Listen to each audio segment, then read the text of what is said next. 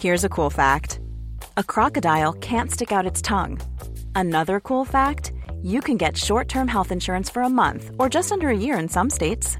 United Healthcare short term insurance plans are designed for people who are between jobs, coming off their parents' plan, or turning a side hustle into a full time gig. Underwritten by Golden Rule Insurance Company, they offer flexible, budget friendly coverage with access to a nationwide network of doctors and hospitals. Get more cool facts about United Healthcare short term plans at uh1.com. Hey Dave, Yeah, Randy. since we founded Bombus, we've always said our socks, underwear, and t shirts are super soft. Any new ideas? Maybe sublimely soft. Or disgustingly cozy? Wait, what? I got it. Bombus. Absurdly comfortable essentials for yourself And for those facing homelessness. because one purchased equals one donated. Wow, did we just write an ad? Yes. Bombas. Big comfort for everyone. Go to bombas.com slash ACAST and use code ACAST for 20% off your first purchase. Shabana Rehman døde av kreft, men ble hennes profesjonelle liv stoppet av et politisk bakholdsangrep? Nettavisen har nemlig en serie artikler avslørt en sjokkerende lite tillitsvekkende granskning av stiftelsen Født Fri. Hvordan var det mulig? Det Det lurer lurer vi. vi på denne uka. Det gjør vi. Du har, har eh, fått liksom dilla på at vi skal si det i kor, og så le etterpå. Jeg er litt lei av det, Svein Tore. Eh, Ja, skal vi prøve en gang til? Nei da, vi gidder ikke det. Det lurer vi altså på denne uka, i det vi kanskje kan kalle en uh, ekstrasending, da. Ja, det er en slags Det må jo være det. For at jeg syns det er tydelig å huske at vi sa god sommer og alt i forrige uke. Ja, nei, men altså, så har um, endelig Nettavisen eh, fått eh, ressurser og eh, hatt tid til å grave ordentlig i uh, Født Fri-saken. Ja, du sier endelig. Ja, jeg sier endelig fordi eh, Nettavisen har jo skrevet eh, litt annerledes om denne saken eh, lenge. Men eh, nå har de funnet ut av ting. Så det må vi snakke om. Vi kunne ikke la det gå forbi hele sommeren. Nei, og mest av alt fordi eh, ikke bare innholdet som er sjokkerende, men det som er interessant fra vårt ståsted, er jo hvordan journalistikken her er blitt til i et samarbeid. Det er et graveprosjekt. Ja. Og det er jo ikke noe hemmelighet at Nettavisen ikke har vunnet Scoop-pris hver eneste, hvert eneste år. Eh, og dette er en ny måte å tenke på, hvor du har eh, redaksjoner som eh, samarbeider med akademia, og setter sammen en helt annen type forutsetning for å kunne sette av tid. Ikke sant? Dette her er jo Problemet med journalistikk i dag er ofte tid og ressurser.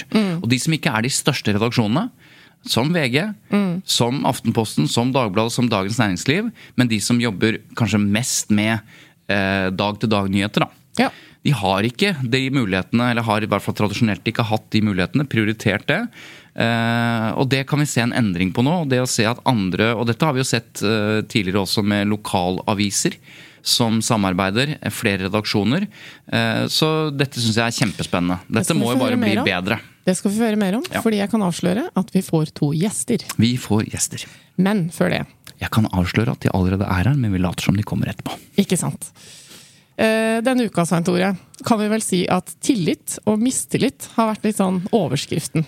Ja, og det preges jo først og fremst av at vi har hatt noe enda mer rør i Arbeiderpartiets og Senterpartiets eh, regjering. Det har vi. Mens tropevarmen har herja her på Østlandet, så har én statsråd gått av. En annen har innrømmet alvorlige feil i sin eh, habilitetsvurdering. Ja, og Det er jo nitriste greier, hvis jeg skal være helt ærlig. Kanskje ekstra trist. trist for meg, da. Det er sikkert mange som har lyst til å høre hva du mener om det, men det får du ikke lov til, fordi det kan noen andre podkaster snakke om. Ja, Men det vi kan mene noe om, er at journalistikken rundt dette tilsynelatende har vært eh, bra. Pågående, kritisk. Det er Aftenposten som har eh, stått i spissen her, eh, tror jeg. Og eh, dette er jo sånn det skal funke. Med den med den lovgivende, dømmende og utøvende makt på den fjerde statsmakten på toppen som skal kontrollere dette. For det, vi hadde jo ikke blitt kjent med dette hvis ikke journalistikken eh, hadde funka og journalisten hadde gjort jobben sin. Nei, for det var vel, i hvert fall i Trettebergstuens uh, tilfelle, uh, litt sånn typisk uh, tidslinje, hvor hun fikk da spørsmål fra en redaksjon Ja. eh, om eh, helt konkrete tilfeller rundt habilitet. Og så skjønte hun at ok, eh, her kommer jeg til å Hun sa jo selv at hun, når hun så den Tonje Brenna-saken utfolde seg, Mm. så skjønte hun at nå her må jeg kanskje gå i og se hva jeg, hva jeg har gjort. For jeg tror ikke jeg har hatt et så godt, god kontroll på habilitetsreglene. Og så kommer Aftenposten som, en, Mm. som følge av Brenna-saken begynner å se på andre. Men skal jeg bare ta et bitte lite avhopp, fordi eh, jeg sier at det er god journalistikk. Mm. Men så kan man jo også stille spørsmål hvorfor ikke journalisten har funnet ut av dette før. Det er jo sånn at eh, Forholdet mellom Anette Trettebergstuen for eksempel, og Bård Nylund, nære venner, han fader fadder Ja. til hennes barn osv. Det er faktisk litt eh, overraskende. Ja, De har jo gitt ut eh. Mm. bok sammen, og det, er- det er alle journalister rundt det politiske miljøet vet jo at de er venner. Mm. Og hvis de hadde kikka litt nærmere på dette, så hadde de jo sett at han har styreverv i, som, som sokner til hennes departement. Så det å begynne å stille spørsmål ved dette kunne man jo gjort Ja. eh, tidligere. Vil noen kunne Så si. journalistikken har vært god nå, men den har egentlig ikke vært god nok fram til nå. Det, ikke, Det kan vi konkludere Men med. nå skal du se at det kommer mye habilitetsgreier. Og jeg hadde jeg vært eh, tidligere statsråd fra 80-tallet og fram til i dag, så hadde jeg begynt å tenke sånn Skal vi se. Hvordan var det Hvordan var det med de der vennene mine igjen? Og, og, Foreslo jeg det? Nevnte jeg noen navn der? Ja. Ja. Jeg tror vi kommer til å se mer av det. Ja. Til saken. Til saken. Samtidig har en annen sak altså blitt rullet ut for oss i Nettavisens spalter, som også handler om tillit og mistillit. Da. Vi snakker om eh, avdøde Shabana Rehman og eh, og stiftelsen, er det vel? Ja, Født Fri, som i 2020 ble slått konkurs etter å ha mistet sin avgjørende statsstøtte på rekordtid. Ja. Og det som øh, har blitt øh, gravd fram og presentert i en serie artikler, er jo ekstremt eh, jeg vil si sjokkerende. Delvis sjokkerende, overraskende, eh, graverende. Eh, men det er også interessant å se hvordan det har blitt gravd fram. Eh, som jeg sa i stad, at dette her er jo et, et journalistisk prosjekt som vi ikke har sett så mye av tidligere. Eh, så det skal vi få litt eh, svar på. En ekstern granskning ble altså satt i gang hos Ernst Young, eh, som nå heter EY. Eh, Etter at India hadde mottatt varsler om økonomisk mislighold. Da. Og mens pressen fulgte saken tett, og hovedpersonen selv, Rehman, ble gjenstand for det man på folkemunne kanskje ville kalt eh, gapestokken. I hvert fall til dels. Ja. Så ble forholdene altså gransket eh, under det som viser seg å være spesielle og veldig kritikkverdige omstendigheter. Yes. Det er liksom kjernen i saken. De fleste husker disse oppslagene. Men vi skal dykke litt ned i etter hvert. Men eh, vi nevnte at vi har eh, gjester. Vi får hjelp av to, to personer fra Nettavisen som i løpet av de siste ukene har publisert denne serien som jeg tror Det er vel seks artikler nå? At, eh, Syv, syv er det blitt. Åtte, eh, skal vi se. Det kommer flere. her. Ja, Ja, mange saker. Da får vi få resten. Velkommen til deg, Morten Solli, journalist i Nettavisen. Takk for det. Og Erik Stefansen, politisk redaktør i Nettavisen. Takk for det. Veldig hyggelig at dere hadde tid til å komme til oss eh, i sommervarmen. Men det er jo flere som, enn de to som sitter her som har jobbet med det. Det er jo Elina Muhair Gjønnevåg, Sigurd Øfsti, Thomas Bløndal og gravespesialisten Tarjei Ler Salvesen, som vi har hatt som jeg vet ikke om han Tarjei har vært gjest, men i hvert fall Jo, ja, han har i hvert fall Har vært det? intervjuet på Tut og Mediekjør. Han er jo Ah. en av de fremste eh, innsynsekspertene i norsk eh, Ok, journalistikk. Men da lurer jeg på Da kan du begynne med å stille spørsmål til deg, eh, Erik. Altså, hva er en gravespesialist? En gravespesialist det er jo en som da er spesialist på offentlighetsloven, og som vet hvordan man skal takle når man får avslag. Men jeg kan, godt, jeg, jeg kan ta liksom hvordan vi starta dette. Mm. Fordi at det var jo dødsfallet i romjula som gjorde at vi liksom tok opp igjen tanken om å gjøre noe mer på Født Fri. For vi skrev jo en del om det når det, når, når det pågikk. Vi var, det var vel vi og Dag og Tid som hadde en litt sånn eh, kritisk innfallsvinkel til den rapporten som kom. Eh, og det vi gjorde da, det var at først tok vi kontakt med, med, med, med, Fritt Ord. Eh, for vi vet at de, at de har, eh, kan gi støtte til, til slike prosjekt som dette her. Og vi fikk liksom Ja, det er godt mulig vi kan få. Men før Så- du går videre der, Ja. Bare avbryte. Vi tok kontakt med Fritt Ord. For bare der er det jo en annerledeshet. Altså, når VG får ferten og foten av noe, så tar Mm. ikke de kontakt med Fritt Ord. De bare setter i gang med fire journalister i gravegruppa eller dagsordengruppa. Ja. Hvorfor gjør dere det? Nei, fordi at vi har litt mindre ressurser enn VG. VG. Uh, og vi har litt mindre tradisjon for å ta sånne store graveprosjekt. For vi, for vi visste at skulle vi gjøre dette her, så måtte vi gjøre det veldig ordentlig. Så vi tok kontakt med, med, med Fritt Ord, og så tok vi også kontakt med Senter for undersøkende journalistikk i Bergen. Hva er det for noe? Det er et, et senter ved Universitetet i Bergen som, da har, um, som er leda av Per Christian Magnus, tidligere TV 2-journalist. Eh, og hørte om kunne de være interessert i et samarbeid, for det har vi hørt om. Det er flere lokalaviser som har jo hatt det. uh, og det var de. Eh, så tok jeg også kontakt med Tarjei Ler Salvesen, som jeg da visste satt i Oxford og tok videreutdanning der. nettopp på, Og det, da, da er han kommet til internasjonale innsyn osv. Uh, alle disse her ville, og så uh, satt vi i gang.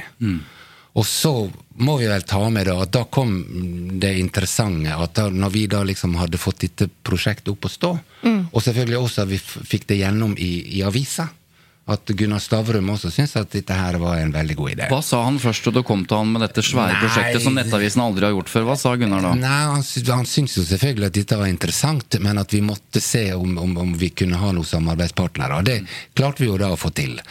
Men så sa da Senter for undersøkende journalistikk at da måtte jeg tre litt tilbake.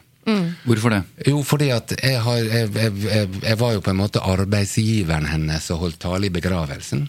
Ehm, fordi at hun var spaltist hos oss de siste åra. Og også fordi at jeg hadde vært ute og forsvart henne ganske tidlig når denne rapporten kom. Så de mente det var ryddig at jeg da eh, trakk meg litt tilbake og overlot ansvaret til andre. Så da organiserte vi det slik at, det, at, at eh, det er nyhetsredaktøren med oss, Charlotte Sundberg, eh, og, som hadde ansvaret for det, og han Halvor Ripegutu, som er leder for økonomipolitikk hos oss, som, var, så, som tok reportasjelederansvaret. Og så var jeg med videre som en kilde, mer eller mindre.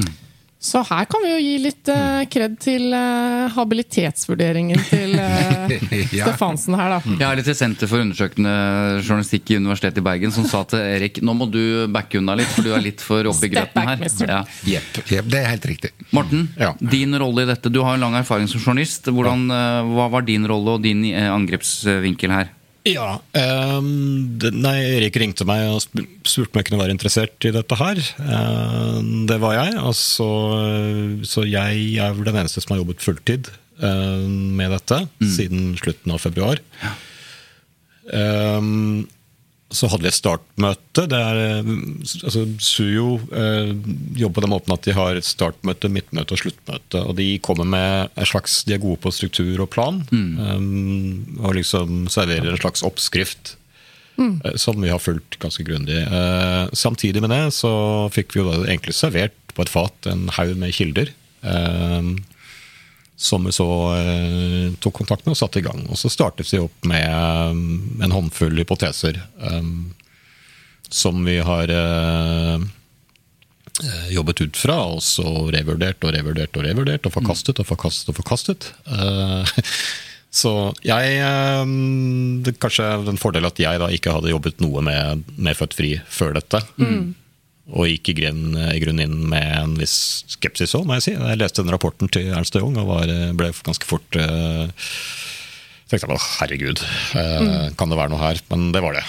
Ja, fordi Bare for å repetere det, Eva. Altså, eh, hvis man bare leser den Ernst Young-rapporten, sånn som du nå sier, så får man jo et inntrykk av at eh, her har ikke Shabana Rehman og hennes stiftelse vært her, her har det vært mye rart. Og det var det jo mange redaksjoner som gjorde. Spesielt når den blir presentert da på førstesiden av VG og Dagbladet og andre aviser, så ser dette veldig veldig dårlig ut. Ja. Morten, du sier dere fikk servert en haug med kilder. Hvem var det som serverte hvilke kilder? Ja, nei, det var jo eh, Det kom jo en del fra, fra deg, Erik, og, mm. og andre som Altså folk som hadde vært eh, Hadde kjennskap til saken, som Ja. var eh, eh, Og som hadde hatt mye dialog med Shabana Rehman. Mm.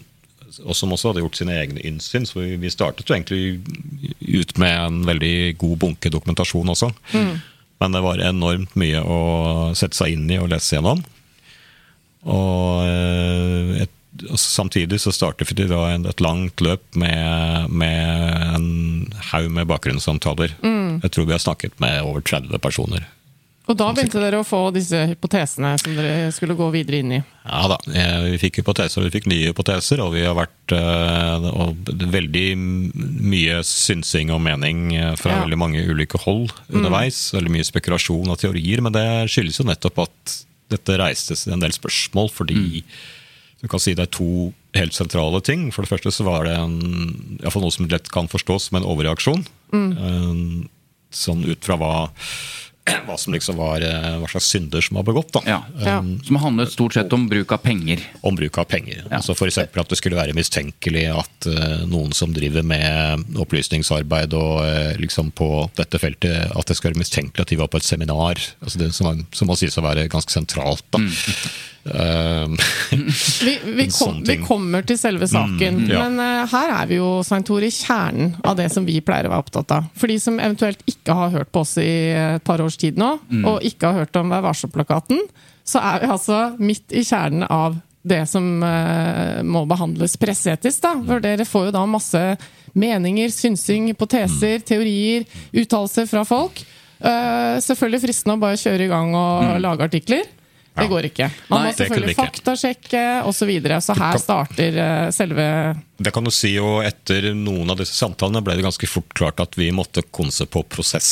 Eh, vi måtte se om det var noe i denne prosessen, i denne saksgangen, som skurret. Ja. Eh, fordi vi kunne mene hva vi ville om eh, altså, Vi kunne liksom hengt oss opp i varsleren og, og tok de feil. Altså, Og så kunne vi eh, ha landa opp i en, et virvar av etiske problemstillinger, siden hovedpersonen ikke er her lenger. Så derfor så vi fant vi ut at vi må, måtte gå på saksgangen. eh, Og, da, prosess. Ja, og prosess, ikke sant?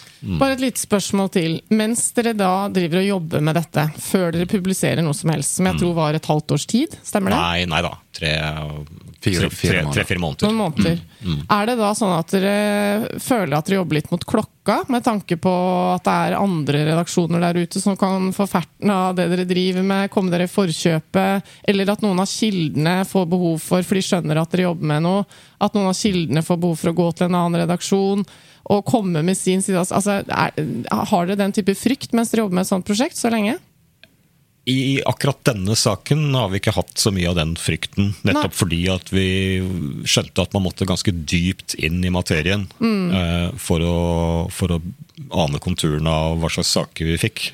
Og så har vi jo også det, det faktum at, at andre redaksjoner har jo egentlig ikke vist så stor interesse for denne Nei. saken. Nei. Og det er vel kanskje fordi at flere av dem, annet VG og NRK, kjørte så hardt ut og fulgte rapporten, og Mm. liksom slo opp den, at de de, eh, vi, vi, vi har ikke trodd at de ville være så veldig interessert i å avsløre sin egen Men, manglende men så kan man si det er jo ikke noe eh, unaturlig. Dette skjer jo hele tiden hvis det kommer en altså Det er et eh, departement som aner ugler i mosen på pengebruk i et underliggende etat. De eh, bruker eksterne, svært anerkjente globale aktører til å lage en rapport. Rapporten kommer. Den fillerister og slakter denne stiftelsen. Det at mediene slår det eh, stort opp, rent generelt sett, er jo både menens oppgave det er helt vanlig, det skjer hele tiden. Hva, er det, hva var det liksom, hvis vi skal begynne, Før vi begynner å snakke om innholdet, hva er det som gjør at, at dere allikevel liksom mener at her er det noe gærent? Her må vi, vi må finne en annen side ved dette? For det, for det så ut som det var helt greit. Ja, og, og, og det er litt interessant, for når vi tok kontakt med Fritt Ord, så var en av grunnene til at Fritt Ord var interessert i det at de har fått flere signal om at denne bruken av disse mm. granskingsbyråene, disse rapportene og revisjonsfirma og konsulentfirma som blir hyra inn for å for å gjøre sånne granskinger, der, der er, er, står rett og slett rettssikkerheten i fare. At dette er ikke det eneste tilfellet. Og at de var veldig interessert i at vi gikk grundig inn i ett sånt eksempel Ja. for å kunne bruke i andre tilfeller. Og det har vi jo sett, altså disse ekspertene på gransking og både Altså, vi har vel dere har vel intervjua en tre-fire sånne eksperter, og de er helt samstemmige at dette her er faktisk et demokratisk problem. At folk, at, at folk som da får e- en eller annen, et eller annet tema på arbeidsplassen, og så hyrer de inn et byrå som skal granske. Og granskerne har jo ofte da motiv for å kanskje blåse dette litt mer opp enn det egentlig er, fordi at da får de mer oppdrag, osv. osv. Nettopp. Ja, um, det, det tenker jeg sånn helt sentralt, egentlig. Og det er også for min egen del noe som jeg synes gjorde det interessant. Fordi eh, det går på en, altså dette går på en slags um, privatisering av, eh, av eh, domstolen. Altså Hvis du setter litt i hermetegn, da. Mm. Det er jo ganske ironisk at eh, denne rapporten anbefaler eh, til slutt at direktoratet politianmelder Født Fri for å finne ut om det er lovbrudd. Det ironiske med det er jo at hvis eh, de hadde blitt politianmeldt i starten, så hadde de antagelig fått en mye mer eh, grundigere gjennomgang av saken. Nettopp, istedenfor å ta veien om Ernst Young. eh, Ja, og det, så, så det gjør jo dette Og så er dette ganske sånn omseggripende fenomen. At man bruker sånne eksterne granskinger. Og det kan godt hende at det kan være fornuftig i mange tilfeller. For det har med habilitet å gjøre. Og at man, Ja, og det har med manglende alternativ å gjøre. Men hvis hvis IMDi manglende og ressurser. manglende ressurser, at hvis noen skal granske noe og habiliteten skal ivaretas, så må man på et eller annet vis ha noen øyne utenfra som skal se dette, og i det ligger også forretningsideen til granskerne. da. Det, det gjør det, og så er det jo interessant da når eh, en av disse juristene, Anna Helsingeng, som er, sitter som leder i granskingsutvalget, eh, snakker om her er det ikke noen lover og regler, egentlig. Altså Her er det bare noen retningslinjer fra Advokatforening. Det er ikke liksom lovfestet hvordan disse granskingene skal gjennomføres. Eh, og det i seg selv er jo kjempeinteressant. Um, La oss, la oss gå inn i saken. Ja. Eh, og for ordens skyld, IMDi er jo da Integrerings- og mangfoldsdirektoratet, for dem som ikke har helt orden på det. Eh, vi vet jo også at stiftelsen eh, Født Fri for to og et halvt år siden ble gjenstand for noen varsler om uansvarlig pengebruk. De kom vel i utgangspunktet til IMDi. Og så ble det da igangsatt denne granskningen, som dere vet mye om. Eh, Den første saken dere publiserte, handla da om at IMDi brukte to timer og 48 minutter på å knuse Shabana Remans stiftelse. Fortell litt eh, om det. Det, det, det dette antyder, er selvfølgelig at, det, at dette kanskje var avtalt på forhånd. Ja. At, både, at, at begge parter på en måte visste hva som var ønskelig utfall her, og da når utfallet kom, så gikk det veldig fort. Og så eh, det at eh, at det var andre krefter lenger oppe i systemet som også ønska at dette her skulle gå fort. Uh, og og, og det, den første saken der er jo et veldig resultat av at, at eh, våre journalister fant ut fort at, at det var prosessen som han Morten sa vi skulle gå inn på. Og i, vi har ikke vært så veldig opptatt av varslerne og deres motiv. Det er det mange andre som har. Men det er litt fordi at det, Eh, varslere de har jo lov å varsle om akkurat det de vil. Og en varsler kan ikke ha oversikt over hva som er vanlig, hva som ikke er vanlig. Eh, slik at, at, at, at de varsler om ting som da viste seg å ikke være riktig, det er jo for så vidt greit. Det sjokkerende her er jo at de som da skulle granske, og som skulle gå gjennom er dette sant eller ikke sant, ikke har interessert seg for det. Det som, eh, ja, det som du kan si Hvis du er interessert i hvordan vi kom fram til eh, Før vi fikk vite om de eh, to timene og 48 minuttene, så hadde vi allerede snakket med, eh, med juridiske eksperter. For vi visste at det bare var snakk om en dag eller to. Altså fra og det, det sentrale der er at i forvaltningsloven sier at, at en sånn sak skal behandles selvstendig av departement eller direktorat etter at granskingen er ferdig. Så fra de får rapporten fra Ernst Young Så skal du gjøre en jobb. på e-post, så skal de gjøre en jobb før de de sender det videre til forslag fra IMDi om å ta fra eh, Ja. for eksempel i dette tilfellet stiftelsen eh, pengene, og det er det departementet som skal avgjøre. Ja, og så er det interessant i denne saken da, at da sier IMDi at nei, det er- bare et råd, det er bare en anbefaling. Og så sier departementet at vi eh, rører aldri slike anbefalinger. Eh, Da går det til klagesak. Og så begynner liksom behandlingen. Så deres oppfatning er at klagesaken blir saksbehandlingen, og det mener jo juristen er riv ruskende gærent. Ja, bare for å ta dette her eh, helt tydelig. Det som er vanlig, er at når det kommer et forslag eller en anbefaling fra en underliggende etat til et departement om å frata eller gi eller noe som helst, så gjør departementet det som eh, den underliggende etaten anbefaler. Alltid. Er, er ikke det riktig? Altså Stort sett alltid. Det fins nesten ikke eksempler på at departementet ikke har gjort som anbefalingen sier. Det er inntrykket, uten at jeg skal slå det bombesikkert fast. Altså. Men, men i hvert fall i denne saken, da, for å holde oss til den, så er det helt klart at her har det gått fort i svingene. Mm. og det er alvorlige anklager i denne rapporten. Og eh, de eh, omvarslede har fått eh, altfor dårlig tid til å presentere sin side av saken. Det er på en måte det helt sentrale. Og, da, og samtidig kjører media i gang, ikke sant? Eh, basert egentlig bare på rapporten, egentlig uten at den er behandlet. Forvaltningsmessig Før- riktig. Ja, så Mm. Før rapporten på en måte har gått gjennom den prosessen den skal gjennom, så slås jo dette opp, og da kan man jo bare tenke seg Mm. eh, omdømmetapet.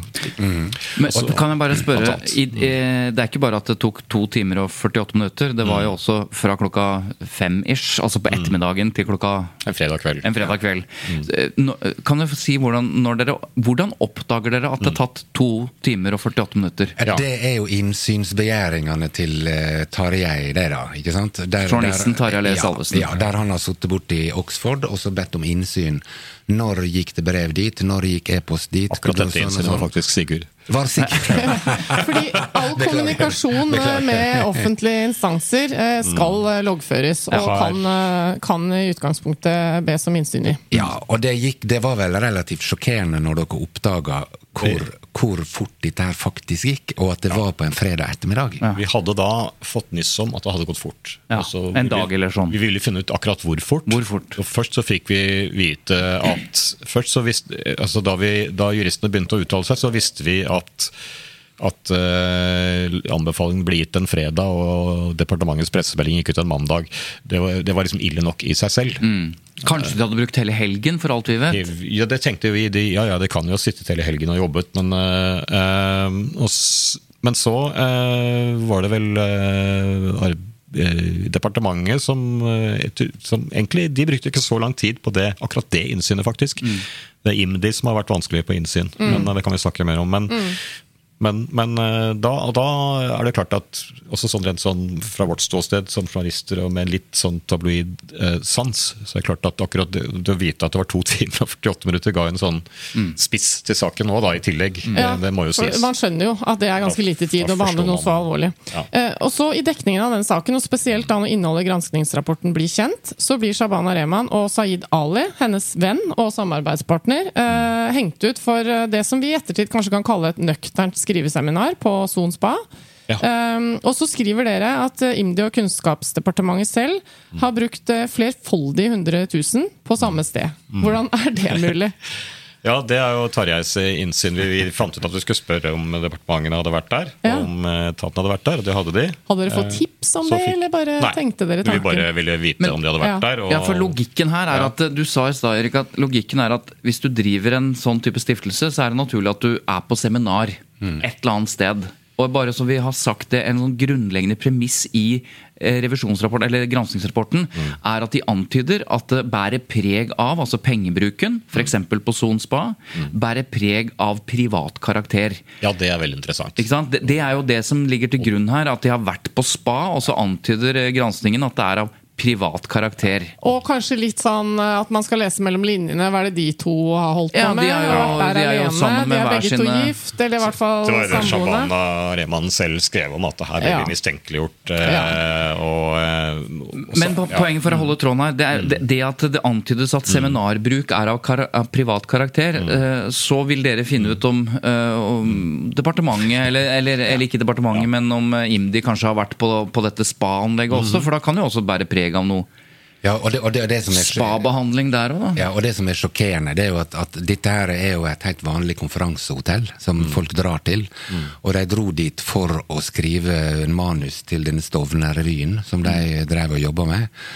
Eh, og når de leverer reiseregning, så er det jo ingen alkohol på. Det er liksom kaffe og vann og, og, og, og møterom. Og møterom, ja. Og Og da sånn dagspass som du Ja, må ha for å ha dette møterommet? Ja, mens når, vi, når, når eh, gjengen hos oss da begynner å undersøke hva Kulturdepartementet og, og, Kunnskap. og nei, Kunnskapsdepartementet og IMDi har brukt, Mm. så er det jo massevis av alle mulige slags bassengtrening og Tai chi, var ikke det? Ja, og det, Og og det, tomme hotellrom, som vi har betalt for med skattepengene våre. ja, og det, og det, vårt poeng da er jo ikke å, å, å antyde at, at IMDi eller, eller Kunnskapsdepartementet har brukt for mye penger, for de har holdt seg innenfor reglene for offentlig. Mm. Og de må også Men få lov å dra på seminar. Men det har jammen også født frigjort. Ja. Så det er jo det at det, Mm. det er jo der på en måte kanskje EY å, avsløre seg slik. At de, de er ute etter For- ting som, som er helt normalt. For der har det vært vin og middager og kaker og oh, ja, sånn som folk eh, Større vin Innenfor statens regulativer, da, må vi Ja, si. ja, ja, ja, men bare sånn at man har det i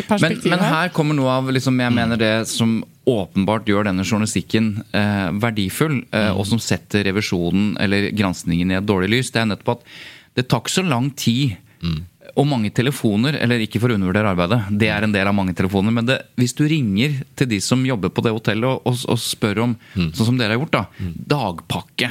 Er det liksom massasje, eller er det konferanserom? Nei, nei, du skjønner at, Og så kommer hele forklaringen. Når du skal reise den kvelden, da må du ha dagpakke for å ha tilgang. Ikke sant? Og nå skal jeg sånn- bare skynde meg å si at de som har stått for denne granskingen, de er ikke her til å forsvare seg, men jeg liksom poengterer det at de, den journalistikken som handler om å finne ut av hva er det som skjedde nede på Son, hva er de betalt for, hva er de ikke betalt for, det kunne jo gransknings... Eh, eller granskerne også funnet ut av. Ja. Ja. Og er det, av, det virker som det er noe av kjernen her, at de ikke har tatt alle disse telefonene. Ja, jeg, ja, altså jeg, ja, vi har jo flere saker. Vi kommer sikkert til Ja. neste. Eh, jeg, og det var jo noe med der, f.eks. at det ble at det sto noe i rapporten om at det ikke, ikke sto noe på fakturaen om leie av konferanseutstyr. altså type, Jeg vet ikke hva de tenker på. Prosjektorer eller hva det skulle vært. Men Ja. det er to mennesker som skriver på et manus. Mm. Eh, De trenger ikke noe ekstra utstyr. De trengte knapt nok et møterom med noe whiteboard. Og, og det var inkludert i regningen. Og alt dette her kan man jo enkelt finne ut. Jeg har sett et bilde av. Sahid Ali på et konferanserom på Zoom, som jeg tror var Nei, det er bare å ta en telefon. Altså, det er bare Ja. å ringe og høre litt. Ja. Det tar ti minutter. Et av de store poengene i rapporten til eh, Ernst Young eh, hos IMDi og i flere avisoppslag var jo at eh, Shabana Rehman og hennes kompanjong Sahid Ali hadde sløst bort statens penger også ved å dra til London. Og, Ja. og blant annet for å gå på teater og en konsert med a-ha. Ja, og dette er en fin bro overfor det du snakker om nå. ikke sant? Hvordan sjekker du ut hva de faktisk har brukt penger på, hvilke penger har de brukt osv. Så, videre. så hva var det dere fant ut? For her viste det seg at ikke det var dekket av statens penger denne turen, når dere Ja. begynner å leite fram detaljene. Det er jo det helt sentrale. Og det, og det som er ekstra interessant der, er at dette var jo informasjon som eh, ble servert eh, mange ganger. Eh, men jeg tror da, slik jeg forstår rapporten, så har Ernst og Young forholdt seg helt fullstendig 100 strengt til en slags regnskapsteknisk Ja. eh, måte å fremstille dette på. Eh, men jeg ringte jo rett og slett bare til han styrelederen i stiftelsen Scheibler. Som også er, gir penger til Som eh, også gir penger til 400 000 tror jeg, totalt Mm. til Født Fri. eh, Som kunne fortelle at jo, eh, vi fikk et budsjett som de godkjente, og ga penger til 60 000 eller hva det var for noe.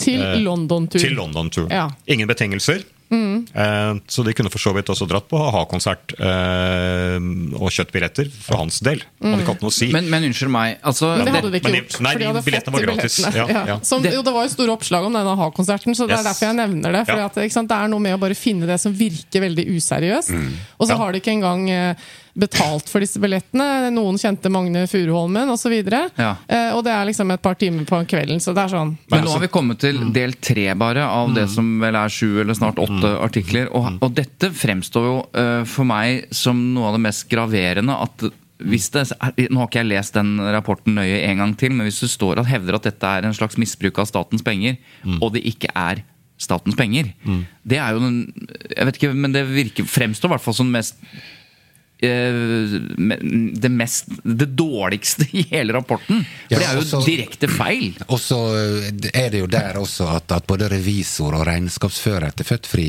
har liksom påpekt i samtaler De har sagt det også. De har sagt det flere ganger. ganger og skrevet det mange ganger at ja, men dette er ikke statens penger. Dere har vel ikke mandat til å undersøke det som ikke er statens penger? Uh, og, og, det, og likevel så bare turer de fram. Og det er jo sånn som du sier, uh, at, at EU er ikke her for å forsvare seg, men de, de har jo nekta, og de vil jo ikke snakke med oss heller. Uh, og, det, det, og det som Eh, kanskje også viser liksom mangelen på, på vilje eller kunnskap her. Da, det er jo at, at uh, Scheiblers tok jo kontakt med oss. eh, da, Mm. eh, Altså denne stiftelsen det- det- som også finansierer, ja, eh, Født Fri. Og forklarte det at ja, men de hadde jo gitt beskjed, nei, gitt penger til dette, for de syntes det var veldig relevant. Mm. Fordi at de, de sponsa jo denne Stovner-revyen som Født Fri da skulle sette i gang igjen. Mm. Og, disse, og alle vet jo som har, har barn på videregående skoler i Oslo, at disse revyene er jo proffe greier. Jeg, jeg må bare ha en fun fact her. Det at jeg har vært med i Stovner-revyen. Ja, I min ungdomstid. Bare, sånt, da- bare sånt det er nevnt. Er du habil nok til å diskutere Ja, dette her? det er?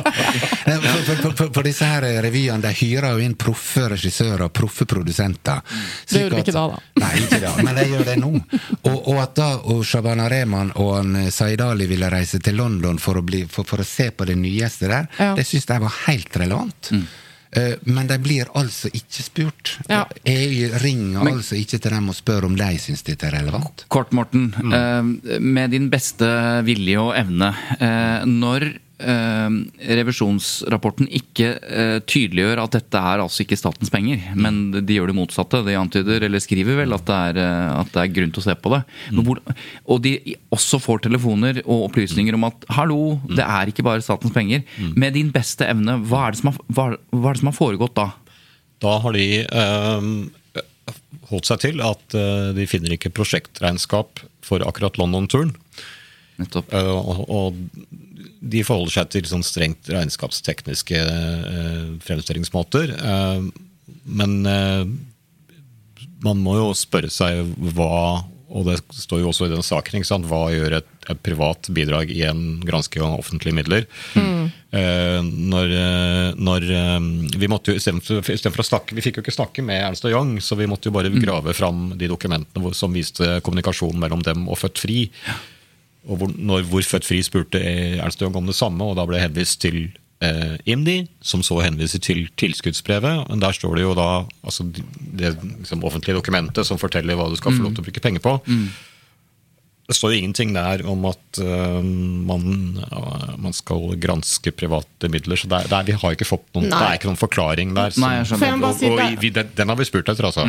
For det er jo fristende ikke sant, å, å, å mistenke at uh, hvis de mister noen av de største overskriftene i det som visstnok skal ha vært uh, mislighold av penger, eh, fordi de er finansiert privat, så er det jo ikke noen sak. Det er litt fristende å tenke.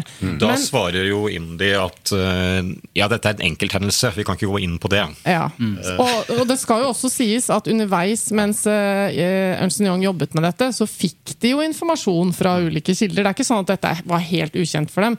Men det som eh, kan være litt fristende å bruke som en forklaring her, det er jo det dere eh, i neste artikkel forteller om, nemlig at det, selve granskningen av Født Fri, som eh, Ernst Young eh, får eh, henvendelse fra IMDi om, den skulle i utgangspunktet koste 100 000 kroner. Eh, Og vi Svein Tore, som jobber vanligvis som rådgivere og, og får oppdrag fra kunder, Ja. vi vet at eh, det er ikke så mye man får gjort for 100 000 kroner. Nei, det er nesten kroner. ingenting, det. Hvis, hvis man skal bruke masse tid på å snakke med folk. Nei, det, virker, det virker i hvert fall som en ganske lav inngangssum for en sånn type gransking. Ja, og så er det jo det er helt eh, greit å tenke at eh, her, her skal man gjøre en viktig jobb for det offentlige, så for dyrt skal det ikke være. Men, men tingen er bare at det dere viser, er at eh, den regningen ble jo ganske mye større. Og det syns jeg er like interessant som alt det andre. Hvordan et sånt konsulentselskap takker ja til et oppdrag. Tilsynelatende, sånn som jeg har forstått deres journalistikk, så, så sier de ja til premissene i utgangspunktet, men kanskje med noen sånn liten tekst om at det kan Det er Ja, seg. ting der vi ikke har fått se, da, men, Ja, men likevel. Men ja. det er i hvert fall informert om at eh, hvis oppdraget eller mandatet utvides og det blir behov for ditt og datt, så kan det løpe flere timer. Men så skriver dere altså at regningen endte på 1,5 million kroner. Det er jo ja, er litt 15-gangeren, da, hvis jeg klarer å regne riktig. Hvordan fant dere ut 15 dette ganger her? Millions of people have lost weight with personalized plans from Noom, like Evan, who can't stand salads and still lost 50 pounds. Salads, generally, for most people, are the easy button, right? For me, that wasn't an option. I never really was a salad guy. That's just not who I am. But Noom worked for me. Get your personalized plan today at Noom.com. Real Noom user compensated to provide their story. In four weeks, the typical Noom user can expect to lose one to two pounds per week. Individual results may vary. It's that time of the year. Your vacation is coming up. You can already hear the beach waves, feel the warm breeze, relax, and think about Work. You really, really want it all to work out while you're away. Monday.com gives you and the team that peace of mind. When all work is on one platform and everyone's in sync, things just flow wherever you are. Tap the banner to go to Monday.com.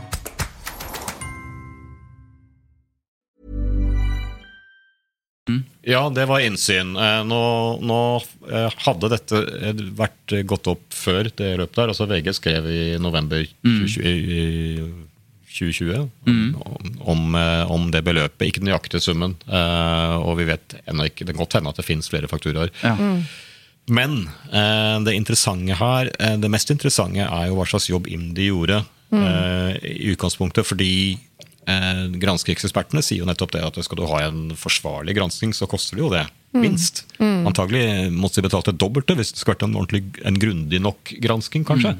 Um, Da hadde jo øh, vinninga gått, gått opp i spinninga, kan man si. For si, støtten til Født Fri var vel Jeg forsøkte jo å spørre IMDi om hva slags jobb de gjorde i forkant her. Og fikk ganske interessante svar. Eh, Etter fire dager jeg spurte om hva var verdivurderingen. Hvordan, hvordan kom dere fram til denne summen? Mm. Da fikk vi til svar at dette var en del av saksforberedelsene og dermed unntatt offentlighet.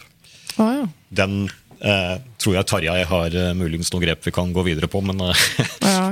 Fordi at eh, det er det ene. Det andre er jo det at hvis eh, summen overstiger eh, jeg tror det er 1,3 millioner, så skal dette ut på offentlig anbud. Eh, hva som skjer Det er litt sånn ullen. Jussen der er litt ullen, men, men at man skulle få, få til en grundig og god gransking for 100 000 kroner, det, det skjønner jo alle som Ja, Så du trenger ikke å være noe om gransking engang for å skjønne at det, det hadde ikke gått. nei. Uh, Og direktoratet stoppa jo statsstøtten til Født Fri allerede før Shabana Rehman egentlig fikk vite hva hun var anklaget for, og fikk Mm. eh, ordentlig anledning til å svare på beskyldningene mot seg. Um, og det var jo egentlig nytt for oss som fulgte saken på det tidspunktet. Altså, Hvordan er det dere fant ut av det? Nei, Det er jo liksom som er en del som er blitt ordentlig avdekka nå, for vi også hadde mistanke om dette her, og, og, og de har sagt det sjøl at de ikke fikk tid til å, å svare ordentlig. Men det er jo det som virkelig er avdekka nå, det at at uh, de fikk vite Altså at eh, statstilskuddet var i realiteten tatt vekk før de fikk anledning til å svare for seg. Og før rapporten og, før vedtaket rapporten, Ja. og der, ja, og, og der, det er- også at, det de, at, at når de da fikk, fikk, fikk anledning til å svare for seg, så fikk de liksom veldig veldig kort frist. Og skulle da svare på masse masse beskyldninger som, revis, som revisor og regnskapsfører sa dette må vi ha mer tid på. Som de da ikke fikk. Uh, og det er også betegnende for denne prosessen her, da. Men nå er det lett, lett å bli forvirra her, fordi eh, den det det er snakk om, Nå snakker vi om den støtten som egentlig allerede var bevilget fra Stortinget. Eh, og der mener jo Født Fris advokat at de, dette har de rett og slett ikke myndighet til å gjøre, egentlig. Men da sier de at dette er vanlig. Og hvis det er vanlig, så er det ikke mindre interessant. Det betyr jo at man da kan eh, Det kreves ikke noe mer enn at noen eh, sladrer, eh, egentlig, og setter i gang en sånn prosess. Så kan de holde igjen Så kan man faktisk holde igjen pengene. og Det er jo litt sånn at sånne stiftelser de lever fra år til år uansett. Og de, de kunne ikke være sikre på at de skulle få neste års tilskudd. Det kan ingen være helt sikre på. Men her eh, fikk de ikke utbetalt det de egentlig måtte, eh, trengte for å, for å leve ut året. Og dermed så, tømt, så ble jo kassa tom. Da var det heller ikke noe penger igjen til å følge saken videre etter Men- at de fikk det avslaget. Men om det er vanlig eller ikke vanlig, eller hva Mm. som skjedde her, men hva forteller det altså det at de faktisk holdt igjen denne statsstøtten før granskingen var ferdig, og før også altså, For det var blitt gitt mulighet til Ja. å klage også, da. For det er jo det som er vanlig. Hva forteller det? Nei, det forteller vel at det her hadde eh, i, At de hadde liksom fått så mye informasjon som de mente De mente vel allerede da, da mm. før de hadde snakket og intervjuet med Før de hadde intervjuet Shabana Rehman eh, selv, eh, så mente de vel at de hadde nok da, til å eh, At det kom til å bli eh, At de kom til å komme fram til at det var økonomisk mislighold. Det er jo fristende å tenke at de har vært eh, i en sånn som politiet kaller bekreftelsesfelle. Altså at Ja. de eh, på en måte har en hypotese som de bare eh, søker bekreftelse på, og så har de ikke egentlig lytta ordentlig til, eh, til kommentarer fra andre hold.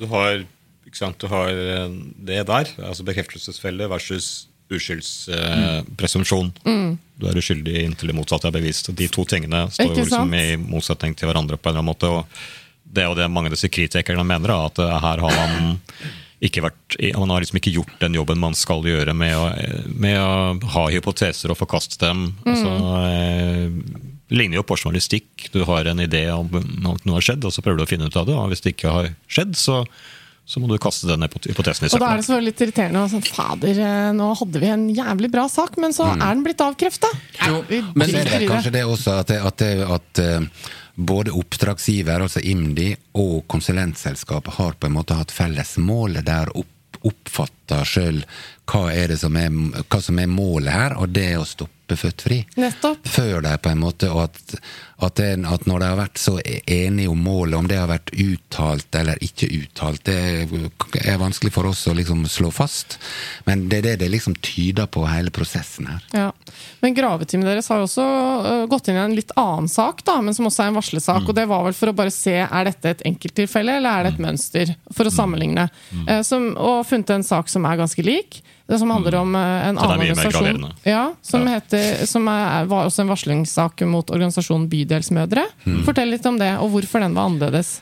Ja, den var jo annerledes fordi at der brukte de jo ordentlig lang tid. Mm. Jeg tror det var elleve måneder, var det det de brukte? For å finne ut om de skulle ta fra de støtten, eller for det, fortsette å støtte? det var også at, at det kom alvorlige varsel, og det, det som er kommet fram, at det var jo enda mer alvorlige varsel enn Mm. en mot Shabana Rehman og ledelsen der. Eh, Men da gikk da IMDi sjøl inn og undersøkte denne saken, her, brukte elleve måneder på det. Og så fikk da disse bydelsmødre eh, og kommunen Både fikk- velferdsetaten og IMDi og Arbeidstilsynet var inne i saken. ja, og det endte med at, da, at bydelsmødre fikk korreks og refs og pålegg om å rette opp en del ting, og det gjorde de.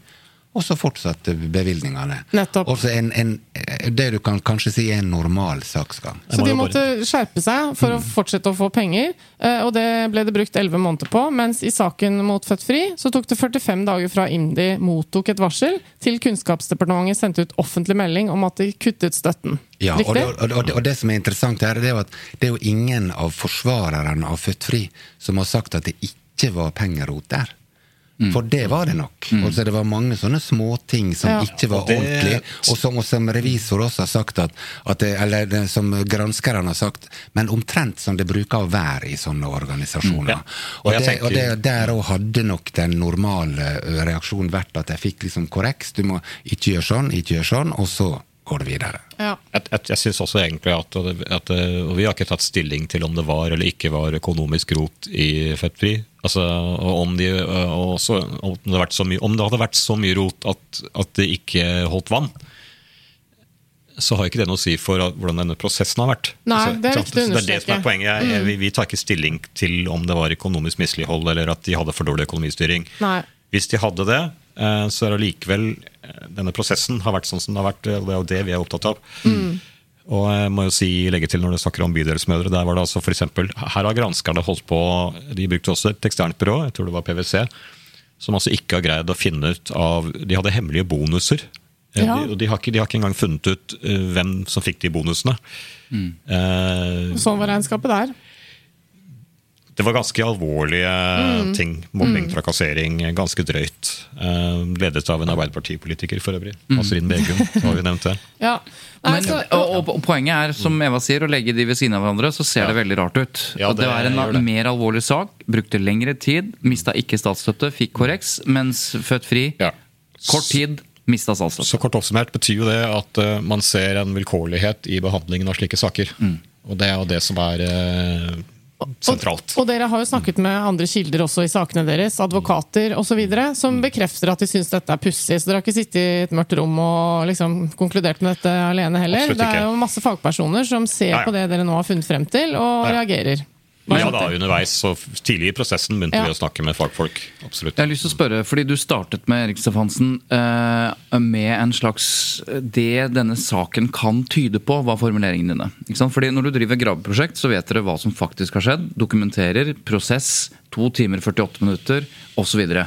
Men så ligger det en slags eh, Etter at dere har jobbet med dette, disse sakene i tre til fire måneder, så sa du at det, at det minner om et eller annet. At noen kanskje bakover, eller at det har vært en oppfatning, om det har vært politikk eller hva. Jeg vet ikke. I hvert fall ikke noe som klart kan dokumenteres.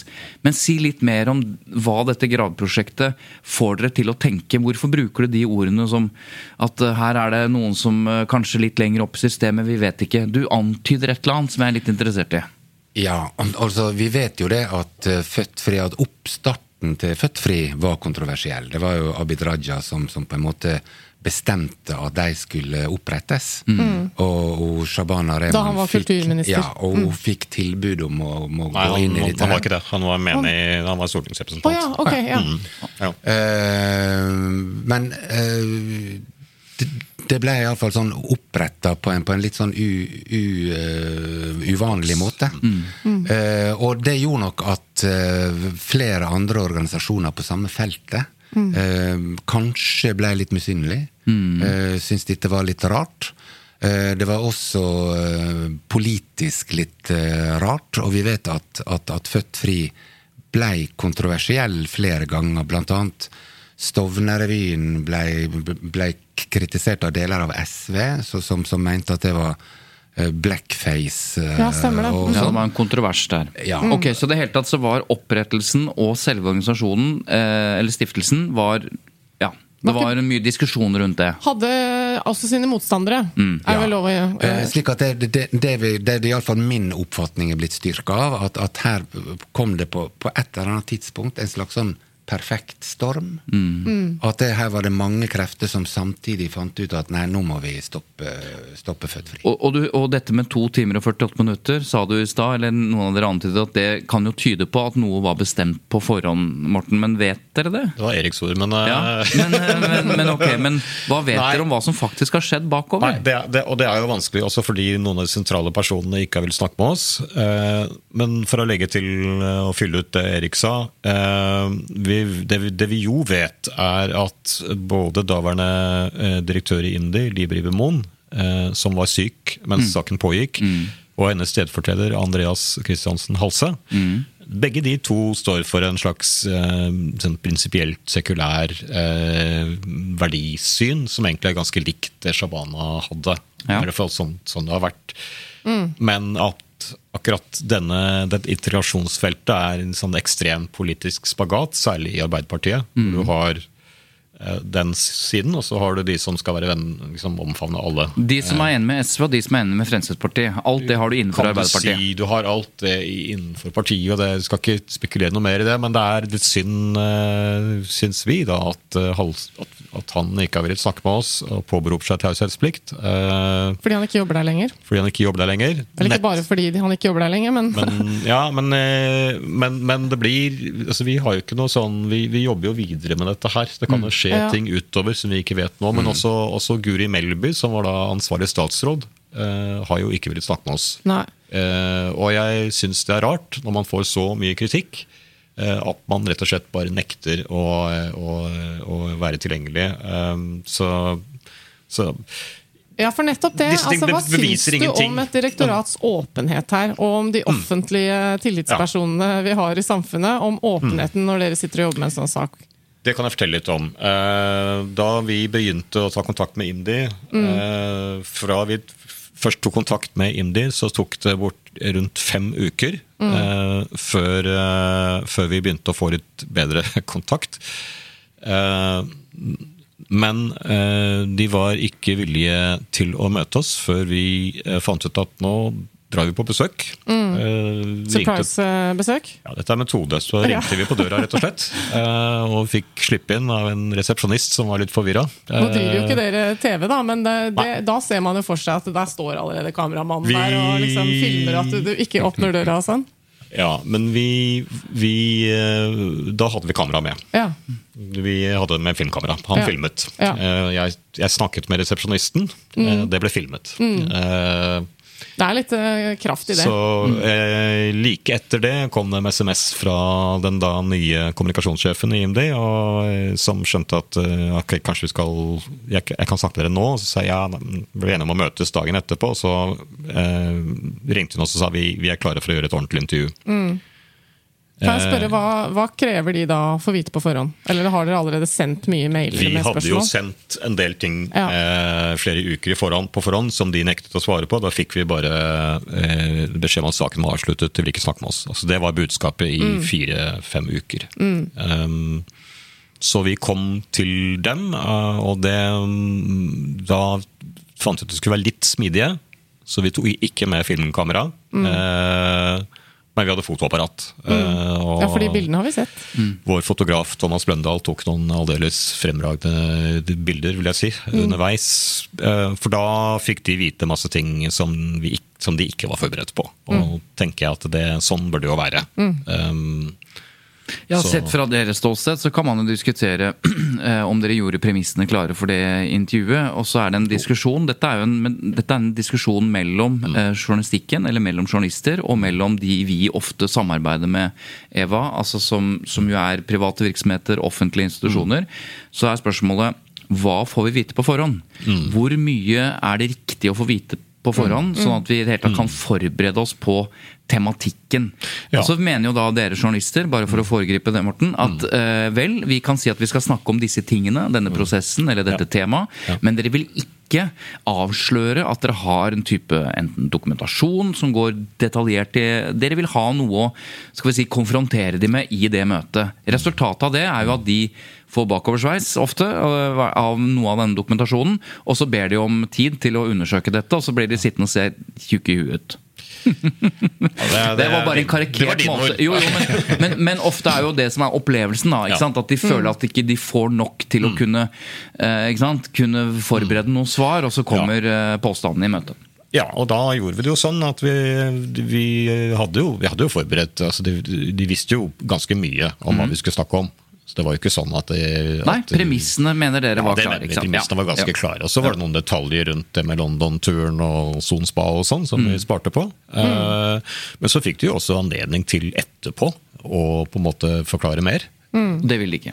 Jo, jo. Ja, du vil det. Men det var jo en grunn bare gjentagelser av det samme, eh, Mm. mer eller mindre. Altså det, men det er iallfall opp til dem. Vi mener at vi har behandla dem veldig fair. Og de har også fått lese gjennom ting på forhånd før publisering i tillegg. Men, så- men så må vi jo kunne si og da, ikke sant, at når, når EU f.eks. ikke vil svare, så sier jo det ganske mye om EY. Uh, og Er, er, også- hvorfor vil de ikke svare? Uh, nei, det har vi jo ikke fått vite engang. For de vil ikke Altså, svare på det heller. Nei, Nei. Altså, der er det jo bare en mur av taushet. Om det er en sånn amerikansk uh, policy når de kommer i trøbbel, det vet jeg ikke. Det kan være. Men, men vi har jo det samme med, med, med, med IMDi, at den ansvarlige for IMDi den gangen når han da nekter å svare, eh, så sier jo det også en god del om, om, om han og om IMDi. Altså, hvorfor vil ikke de det? Eh, Og vi har jo også da med, med, med Guri Melby, som var ansvarlig statsråd, som hittil ikke har villet stilt opp i intervju. Det er klart, Vi er jo ikke ferdig med saken, så vi, vi, vi, vi, vi, vi, vi kommer vel ikke til å gi oss på det. Nei, for altså, vi er jo vi er jo av en oppfatning at alle kommer best ut av å snakke med media eh, når det er noe. Eller, altså, For å det, det, oppklare en, og det bør være en grunnholdning, da. Men så er det jo allikevel sånn at vi forventer jo enda mer av eh, offentlige instanser. Så at eh, EY liksom, har en eller annen policy, og sånn, det får vi nesten bare leve med. De har levert en rapport som de har fått betalt for, og så må liksom IMDi eh, svare for den, og departementet osv. Mm. Men at ikke de offentlige eh, tillitspersonene uh, ønsker å svare, det er jo litt mer alvorlig, vil jeg si. Ja, og så begynner jo selvfølgelig saken å rulle litt, grann, uten Ja. at vi skal, skal foregripe det. Men det, vi tror nok det at de til slutt så må de vel eh, svare på spørsmål. Ja. Men, men nå er vi inne i noe som jeg har behov for å si etter eh, å ha holdt på å snakke så lenge om denne saken. Vi sitter altså to stykker fra Nettavisen. eh, En redaktør og en eh, journalist. Og vi har egentlig bare vært nysgjerrige på hvordan dere har fått dette til. Det som kjennetegner denne eh, praten, og som kjennetegner den journalistikken dere har vært gjennom, med noen få hederlige unntak, er at det er ingen motstemmer. Ikke sant? Altså de, som dere sier, de vil ikke. Ernst Young ville ikke stille opp. IMDi stilte opp når dere kom på døra. Eh, han som eh, sendte mailen etter 2 timer og 48 minutter, ville ikke stille opp. Eh, Guri Melby ville ikke stille opp. Dette er jo eh, en utfordring, for det, fordi at eh, Ja, presseetikk men, men Indie stilte jo opp, da. De stilte opp. Til slutt. Til slutt. Eh, Men, men poenget her er at det er jo mange som altså Dette er jo noe av poenget. Det er mange som ikke ønsker å stille opp. Og hvis de stiller opp, så sier de du sa det, de bare gjentar noe. altså de, Det er grenser for hvor mye de innsikt de klarer å, å gi. Denne, dette er jo en utfordring også presseetisk. fordi at eh, når dere lager denne eh, journalistikken her eh, Bare for å dra en parallell. Da vi jobbet med Baneheia-saken for fem år siden, så ville f.eks.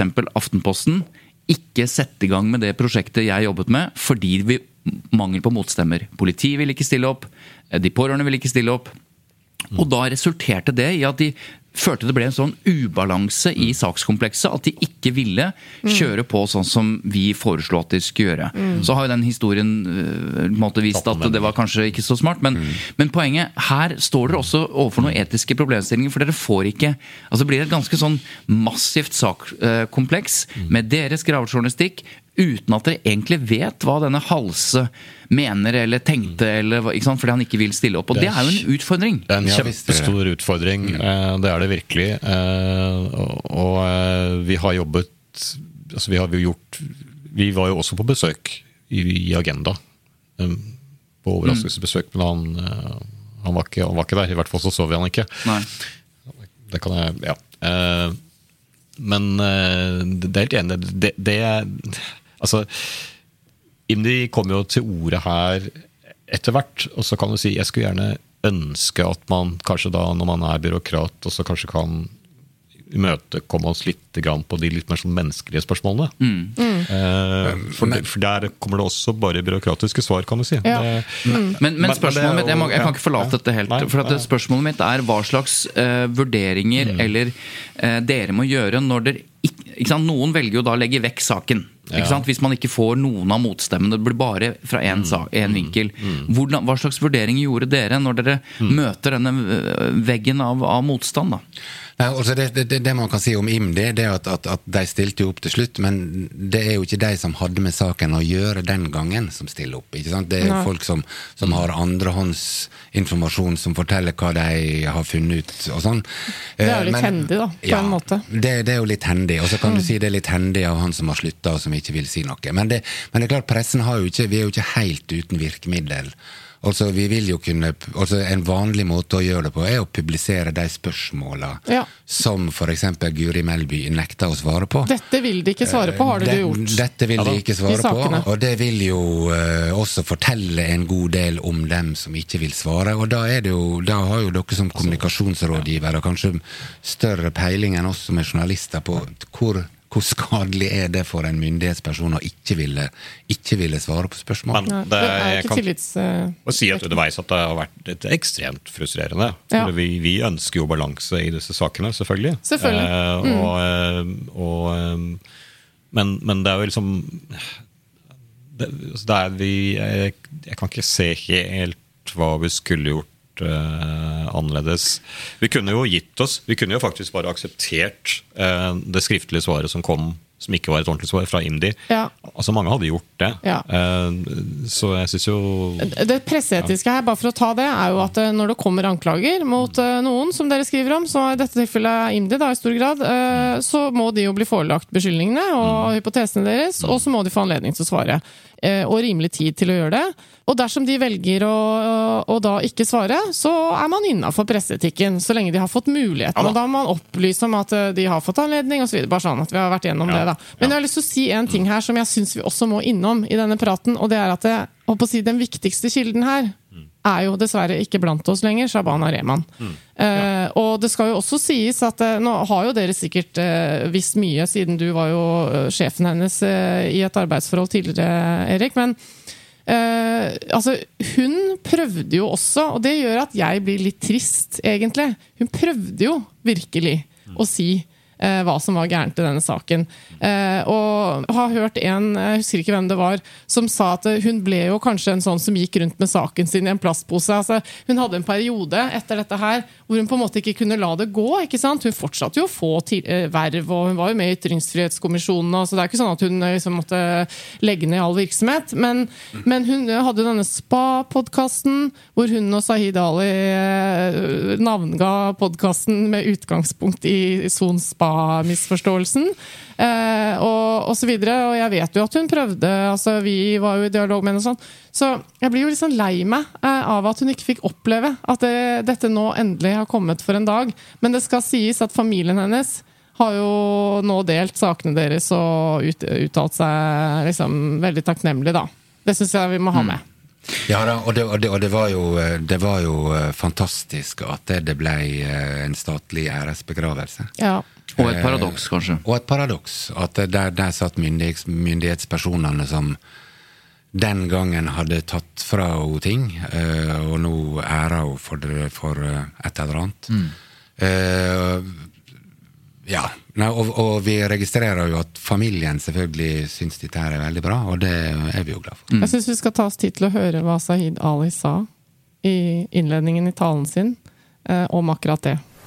Eh, Deres Kongelige Høyhet, politikere, prominente gjester, familie og de som har blitt veldig gode venner med Shabana etter bortgangen.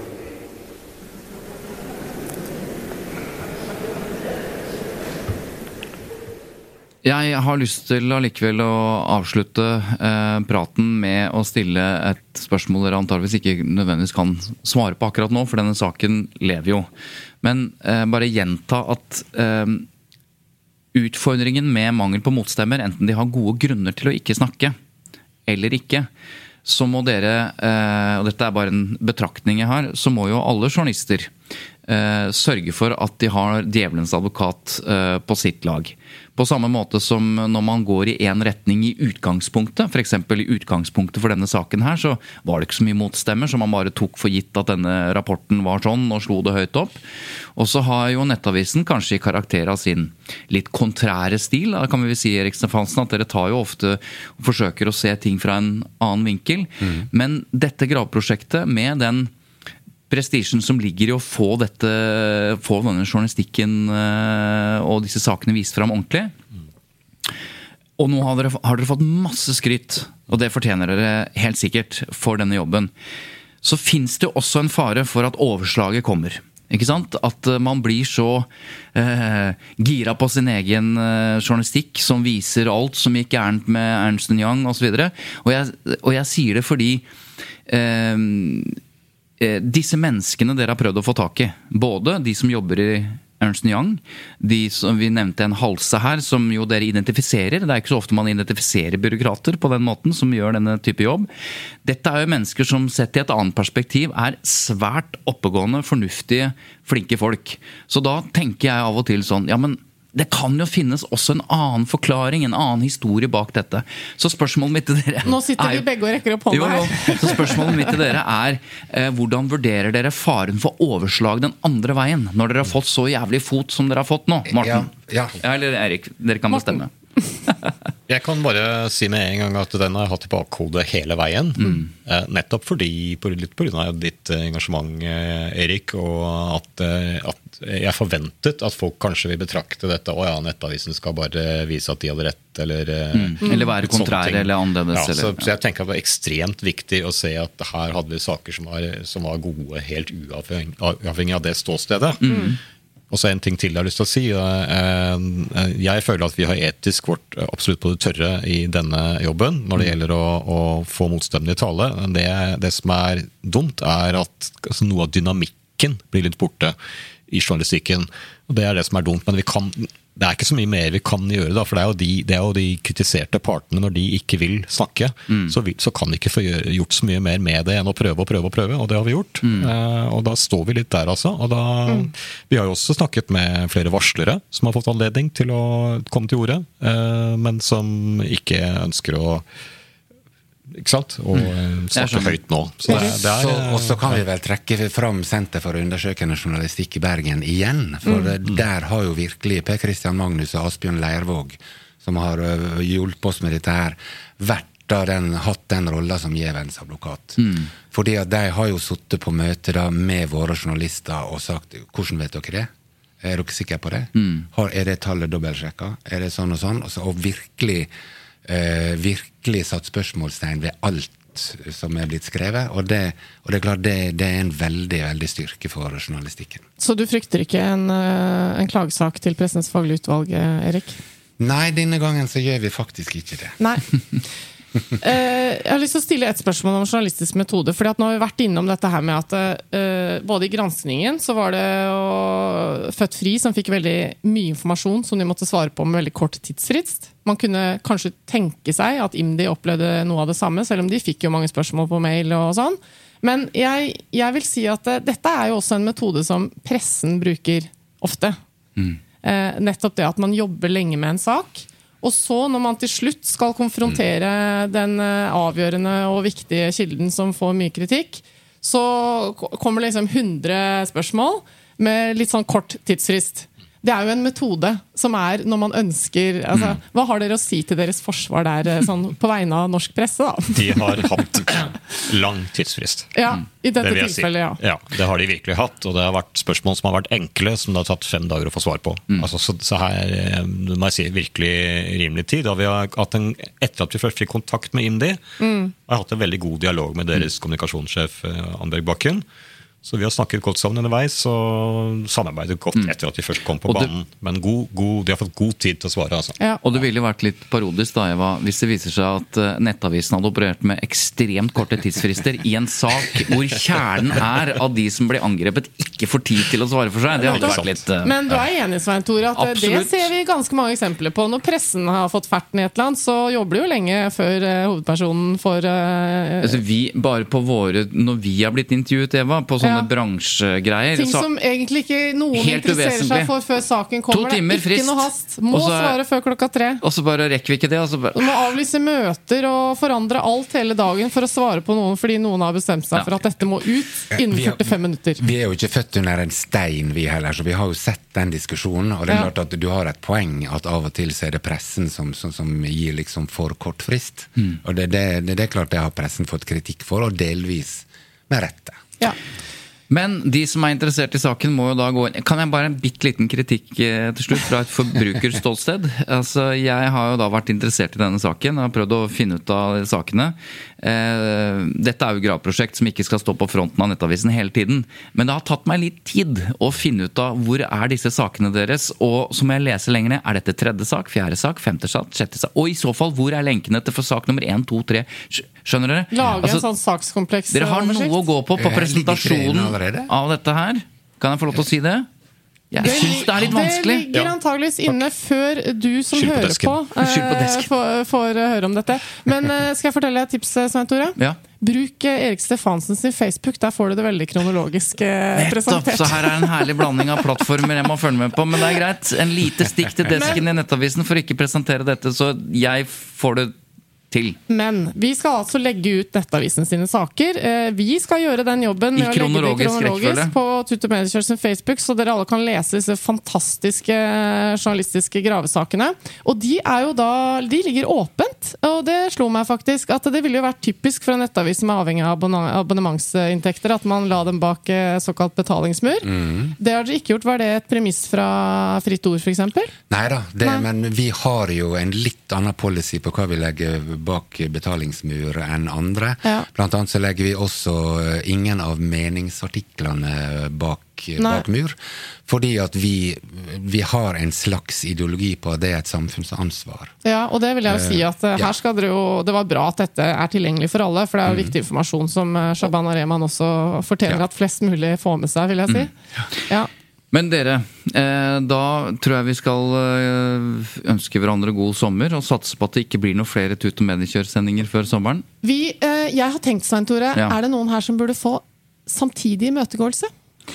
Det er jo sånn i presseetikken at uh, selv om uh, folk ikke har villet svare Nettavisen, så har vi, hvis vi følger Varsom-plakaten, da, som vi jo ikke er forplikta til, egentlig Nei, nei, vi har ikke noen redaktør. Du kan Nei. du ikke redaktør. Nei.